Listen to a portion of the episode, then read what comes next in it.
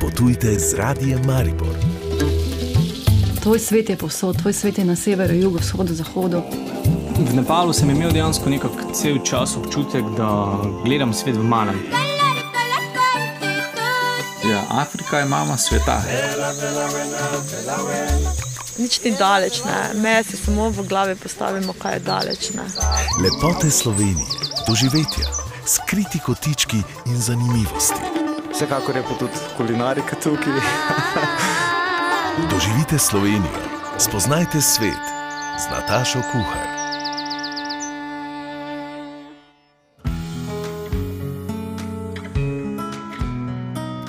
Lepo pozdravljeni v današnji oddaji bomo v spredje postavili informativne dneve na šolah, kjer mlade izobražujejo za gostinsko-turistične poklice. Ker je v zadnjih letih največ kadra odšlo predvsem iz te panoge, bomo ugotavljali, zakaj se je zgodil ta preobrat in kako mlade znova pritegniti v te poklice.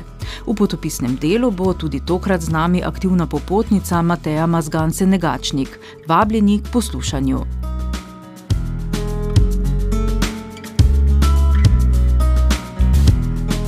Na kratko se bomo ustavili v Ljubljani na gospodarskem razstavišču, je še danes na ogled sejem Alpe Adria Turizem.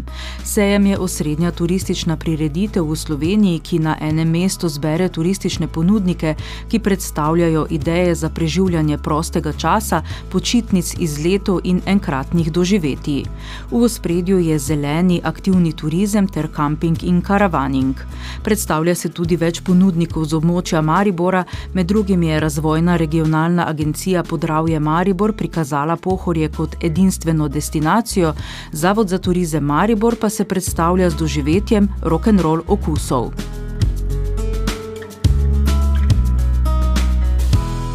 Zdaj pa k napovedani temi. Po podatkih Zavoda za zaposlovanje je konec lanskega leta v Sloveniji primankovalo več kot 13 tisoč ljudi v gostinstvu in turizmu, na širšem območju Maribora 1164, največ prav v gostinstvu, pove generalna sekretarka sindikata delavcev gostinstva in turizma Breda Črnčec. Poleg tega ocenjuje, da bi s promocijo teh poklicev morali začeti že v osnovni šoli in apelira na starše naj otrokom teh poklicev ne predstavljajo kot manj vredni vrednih. Da bi dvignili ugled poklicem v tej panogi in povečali upis mladih v šole, ki ponujajo to vrstna znanja, so pri turistični organizaciji Slovenije pripravili kampanjo, pravi Livija Kovač Konstantinovič. In sicer smo eh, prvič želimo nagovoriti mlade z TikTok kampanjo. To je kampanja, ki teče že od poletja, beleži odlične rezultate. Vključili pa smo v samo kampanjo mlade, ki že delajo v turizmu eh, in to za srcem in dušo. In jim smo dali besedo, da z lastnim slogom, stilom nagovorijo ostale mlade in povedo, zakaj uživajo v teh poklicih in zakaj so se odločili, da bodo za njihovo kariero izbrali prav turizem oziroma gostinstvo. Pokrili smo 13 najbolj deficitarnih poklicev v turizmu. In izbrali iz cele Slovenije mlade, z njimi posneli kratke videe, ki tečejo na TikToku pod, pod hashtagom Turizem je zakon. V sredo so v okviru sejma Alpe Adria vzpostavili tudi spletno mesto za promocijo poklicev v turizmu in gostinstvu. Portal Izberi kariero v turizmu bo na enem mestu podal ključne informacije o poklicih na področju gostinstva in turizma, možnosti nadaljevanja šolanja in izobraževanja ter spodbud pri reševanju izzivov s kadri v panogi, kajti kot pove profesorica na ekonomski fakulteti v Ljubljani Ljubica Kneževič Svelbar, poklici v gostinstvu in turizmu niso več več privlačni. Rešitva ni ena, pač, ker problem je preveč kompleksen, da bomo rekli, da je ena tableta, pa bo konec. Ne, ne, tukaj je pač bolj sistematično in v sodelovanju različnih deležnikov potrebna timska igra. Ne. Strokovnjakinja za turizem Maja Uran Maravic, Portoroške fakultete turistika, dodaja: Dokler ne bojo poklici in delovna mesta v turizmu bolj atraktivni, kot v drugih dejavnostih, bolje plačani, enostavno delavcev uh, za tako težka dela ne bo. Ampak zdaj tudi pravijo, da tudi če jih bolje plačajo ljudi, ti ne pridejo. Ja, zaradi tega, ker so uh, pač uh, delovni pogoji težji. Ne, ne zgolj težji v smislu, da delajo praznike, vikende in tako naprej. Ne. Težji so tudi zaradi tega, ker je manjko delovne sile in potem tam, kjer jih je včasih delalo pet, zdaj delajo dva ali pa tri, in je to obremenitev precej uh, večja ne, in ljudje enostavno noče tega početi. Ne. Vodja Mariborskega hotela Arena Dagmar Pečunik je prepričana, da mladi potrebujejo stimulativno okolje, v katerem delajo. V družbi Eurotos hoteli, v trenutno petih hotelih na slovenski obali, v Celju in v Mariboru, um, zaposlujemo približno 150 um, oseb. Imamo relativno mlado, predano ekipo in verjamemo, da je ključ uh, tega, da um, so zaposleni res zadovoljni na svojih delovnih mestih, da jim znamo prisluhniti, da upoštevamo njihove ideje, jih realiziramo in se tako um, res počutijo, da so del zgodbe, ki jo pišemo. No kako nagovoriti mlade, da to vendarle je uh, poklic prihodnosti? Je pri, poklic prihodnosti? Mi vedno z veseljem sodelujemo tako s srednjimi, um, višjimi in visokimi šolami uh, na področju turizma in tudi gostinstva. Um, zelo tesno sodelujemo pogosto pri uh, projektih, tudi trenutno je pri nas kar um, osem študentov iz recimo Više strokovne šole za gostinstvo in turizem Maribor in zagotovo vidimo um, veselje do dela, ki smo ga zaznavali mogoče tudi pri sebi in ker se vsi mi počutimo po srcu še vedno študentje, se je mogoče zato malo laže postaviti v njihove čevlje. Najbolj pomembno pa je, da jim res pokažemo vse plati, ki jih to naše delo uh, ponuja. Se pravi, da je veliko odgovornosti, ampak res, res veliko je tudi zadovoljstva na drugi strani. V nadaljevanju gremo na Mariborski šoli, kjer mlade pripravljajo za delo v gostinstvu in turizmu. Potujemo tudi na spletu. Bonjour, ça va? Je l'ai. Oui, c'est tout? Radio Maribor.si Suis-moi.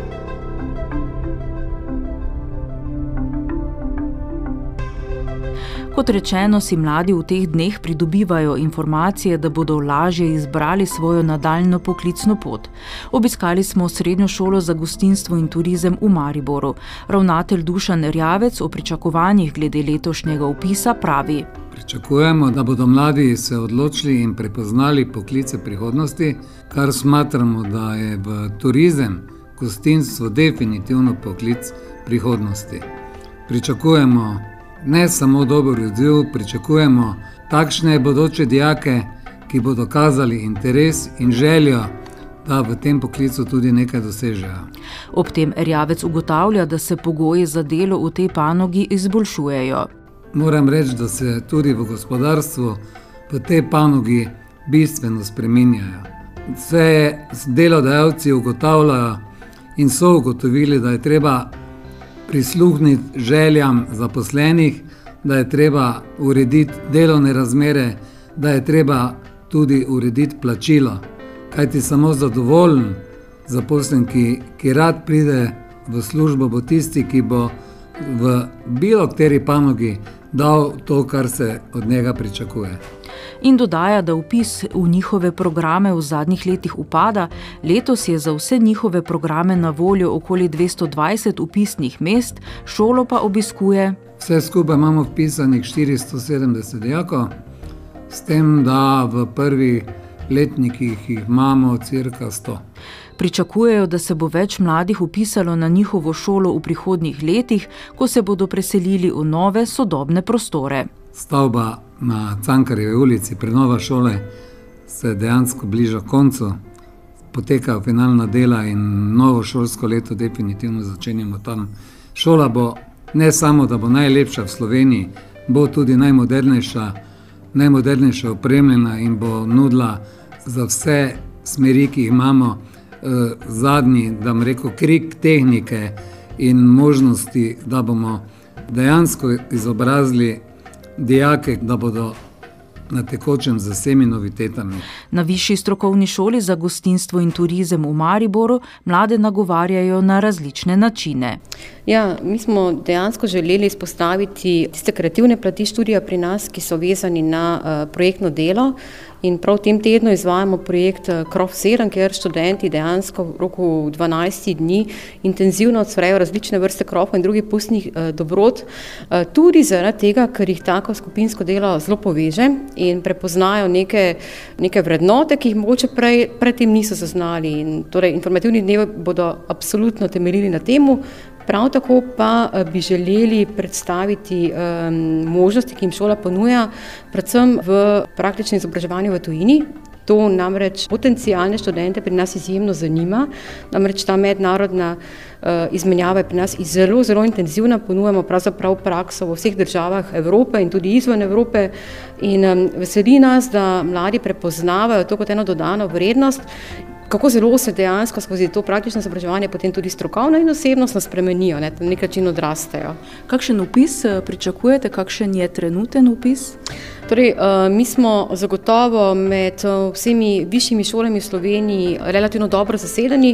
Seveda je upad zaznati v zadnjih desetih letih, ampak kljub temu prepoznavamo, da je mogoče ravno zaradi naše tržne dejavnosti, torej vsega buma in vseh odmevov, ki jih restauracija sedem dejansko pridobi zaradi svoje kakovostne storitve, upad pri nas manj izrazit in vidimo, da lahko dejansko nagovarjamo predvsem tiste mlade, ki želijo visoko kakovostno uh, izobraževanje, ki uh, vključuje veliko prakse. Ne. Tukaj pa res lahko tega to ponudimo v polni meri in uh, zdi se mi, da imamo za to tudi izjemno dobre pogoje, torej prostorske pogoje, ki to dejansko podpirajo. Pravi predavateljica na tej šoli Mojca Polak. Študenti so zadovoljni in študij tam priporočajo. Nuša Prejac je študentka drugega letnika Wellnessa. V bistvu wellness zato, ker je to ena super priložnost, ker mi priznajo že prvi letnik, da v bistvu v treh letih dobim dve diplomi in s tem v bistvu znanja iz gostinstva, turizma in wellnessa, ki se v bistvu povezujejo v eno tako super zgodbo za prihodnost. Za veliko govorimo o odhajanju delavcev iz panoge turizma in gostinstva, tudi zaradi uh, nizkega plačila, pa zaradi neugodnih pogojev dela. Kako se boste vi s tem spopadli? V bistvu moje mnenje je, da ko ti prideš v to branžo in začneš pridobivati nekaj izkušnje, je mogoče plačilo res nizko. Ko pa imaš ti nekaj več izkušenj, več znanja, lahko delodajalcem ponudiš več, so pa tudi oni zate pripravljeni plačati več oziroma glob, globje seči v denarnico. In mislim, da če imaš to znanje, izkušnje, ki ga ti rad daješ naprej, učiš mlajše kadre, je potem tudi tebi to v užitek delati in potem to v bistvu rad delaš oziroma si v tem z veseljem. David Tovornik končuje študij na tej šoli. Torej, jaz pa osebno mislim, da Maribor, Slovenija na splošno ima zelo velik potencial za razvoj v turistični panogi. Ja, sej res je, primankuje kadra na vsakem koraku, ampak uh, mislim, da je vseeno manj več in če imamo dosti, mislim, manj kvalitetnega kadra, kot dosti pač povprečnega, mislim, da lahko zelo veliko naredimo. Vsak začetek je težek, ampak mislim, da je tudi v naši branži velik potencial za dober zaslužek. Ja, turizem, gostinstvo, wellness so res zakon. K povedanemu dodajamo še razmislek kuharskega šefa v restavraciji 7, Sebastiana Plevčaka. Pač jaz osebno ne bi nobenega prepričeval v nekaj, pač naj izbere to, kar rad dela, pač naj posluša sebe, kjer se vidi, ker konec koncev nobenega poklica ne moreš ti opravljati, če te ne veseli. Sploh gostinstvo je tak poklic, če, ti, če te res ne veseli, če se res na nek način ne zaljubiš v ta poklic. Ne? Ja, se boš delo v leto, dve, pet, ne? ampak pač jaz pravim, to je tek na dolge proge, ne? ker konec koncev vsi v gostinstvu smo začeli posodo pomivati, nobeni postal glavni kuhar, ne? ampak želja mladih doskrat je, ok, jaz bom zdaj postal šef. Ja, boš, ampak pač boš mogel vložiti nekaj truda, nekaj časa, pač boš mogel začeti bolj kot ne na podnu. Ne? In polko se pa ti pač razvije ta neka ljubezen do poklica, pa mislim, da ni bolj entuzijastičnih ljudi do, do nekega poklica, kot so to gostinski delavci. In mislim, da to je tisto, kaj, bi jaz povabil ljudi, da pač začnejo delati karkoli. Ne? V glavnem, naj začnejo delati tisto, kar res radi delajo, in se potem vsaka takšna, prvo kot na nek način hobi, prevrže v neko ljubezen do nekega poklica, ali je to gostinstvo, ali je to pač karkoli drugega. Ne. Po kratkem predahu še k potopisnemu delu naše oddaje. Potujte z radijem Maribor. tvoj svet je povsod, tvoj svet je na severu, jugu, vzhodu, zahodu. Doživite Slovenijo, spoznajte svet.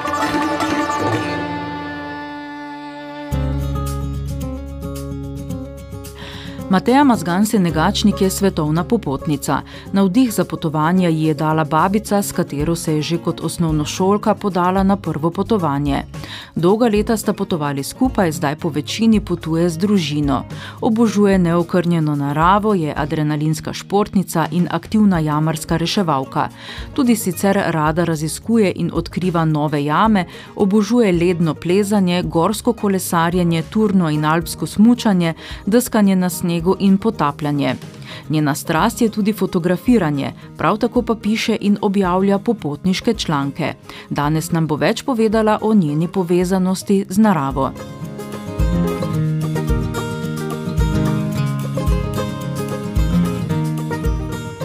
Povezani ste, seveda, po vsem tem, kar smo zdaj povedali, z naravo, tesno povezani z naravo.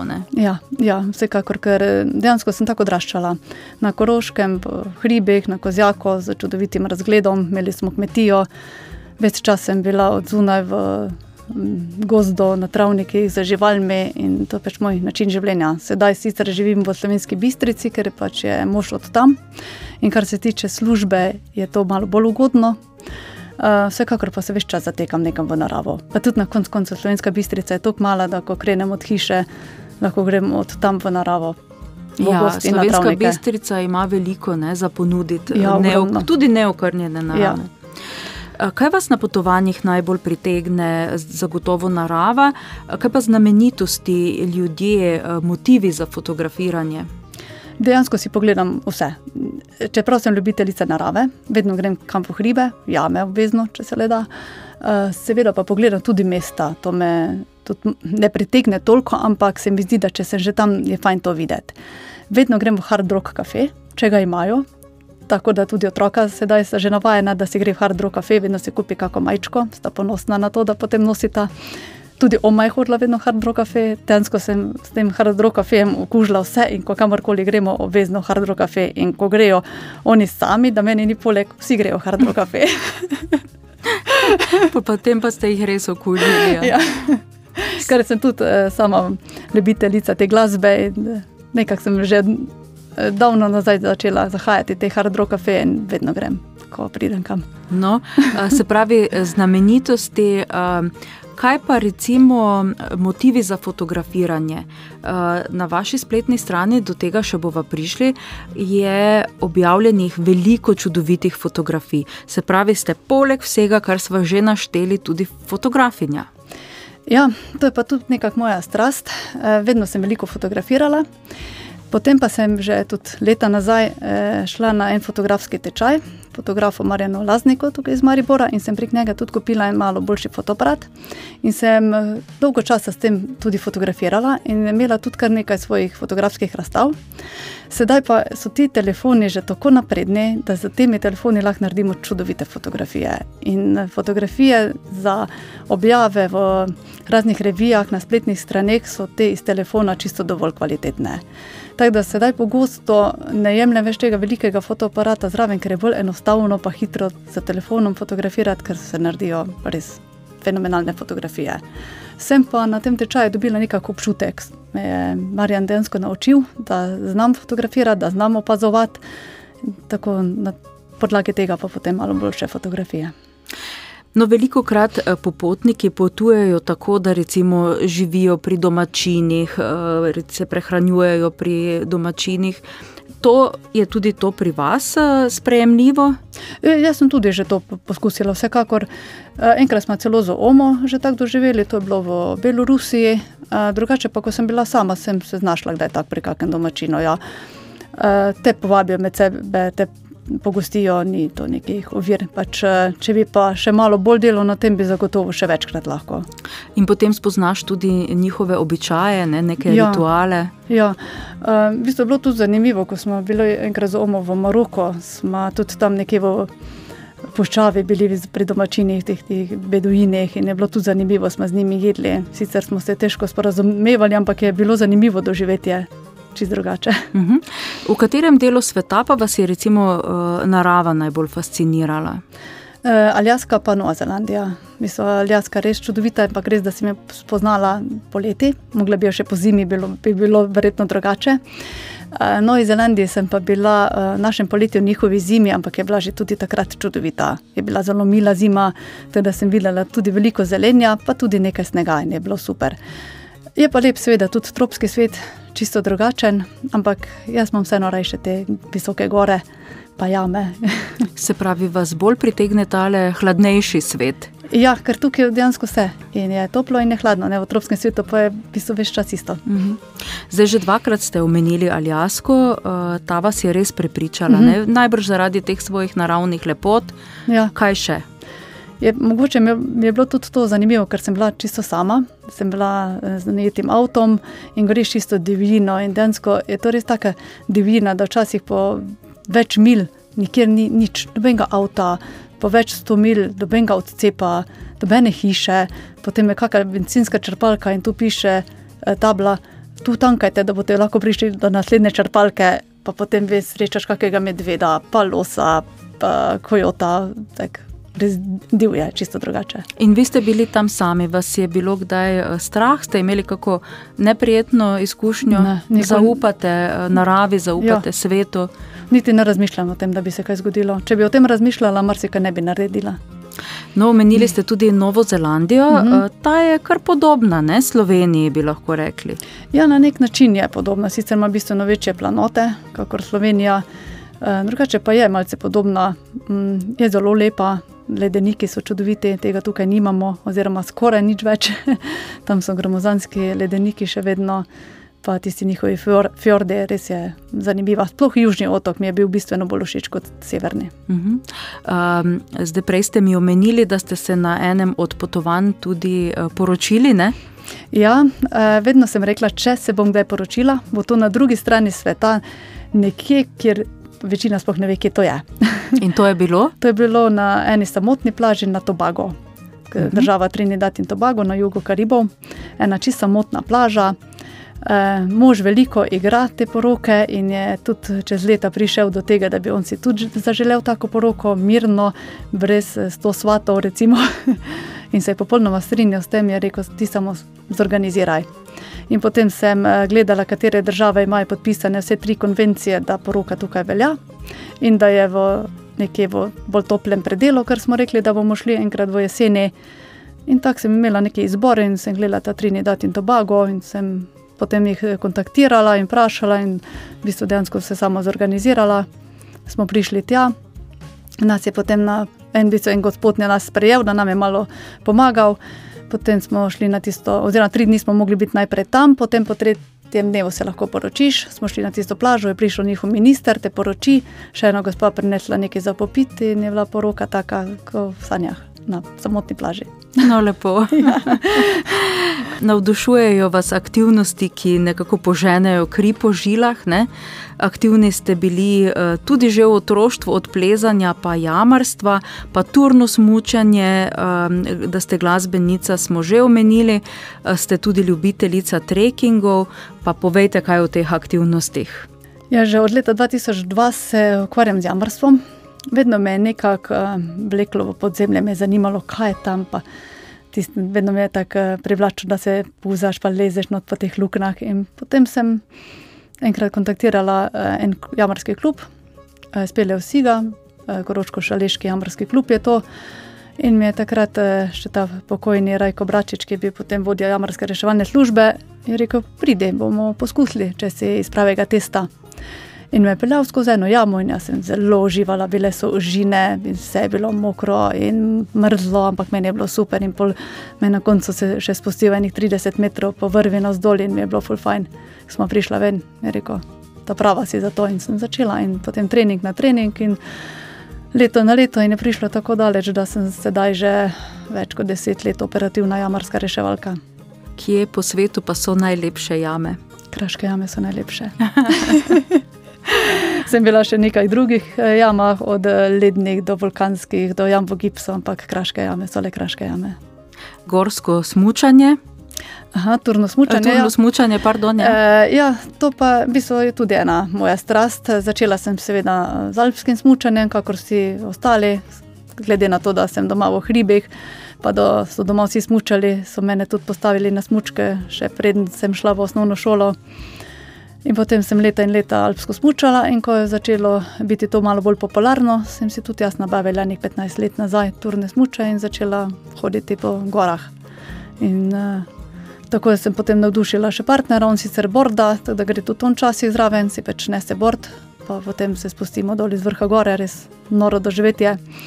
Računam Lahko na to, tudi kdaj je nevarno, ne? veliko krat slišimo o kakšnih. Mm, ja, pač je treba spremljati razmere. Če se to upošteva načeloma, ni nevarno. Nekem, eh, nekem plazovitem predelu ali pa nekem plazovitem času, zagotovo ne bom rinila nekam gor. Če pa se gre takrat, ko se ve, da je varno, pa načeloma nima kaj biti.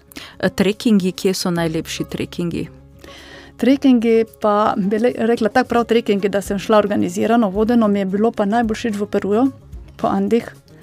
To je bil pa en tak res poseben trekking, ki je trajal cel teden, po 20 km smo naredili dan, na dan, kar nekaj višinskih metrov, tudi preko 5000 metrov smo šli, tisto je bilo res čudovito in za na konec je bil še potem eh, Mačo Pičo, to je bilo čudovito. Moram pa tukaj še mogoče izpostaviti odprave. Smo bili v Rusiji na odpravi na Elbrusu in je bilo tudi eh, zelo posebno doživetje.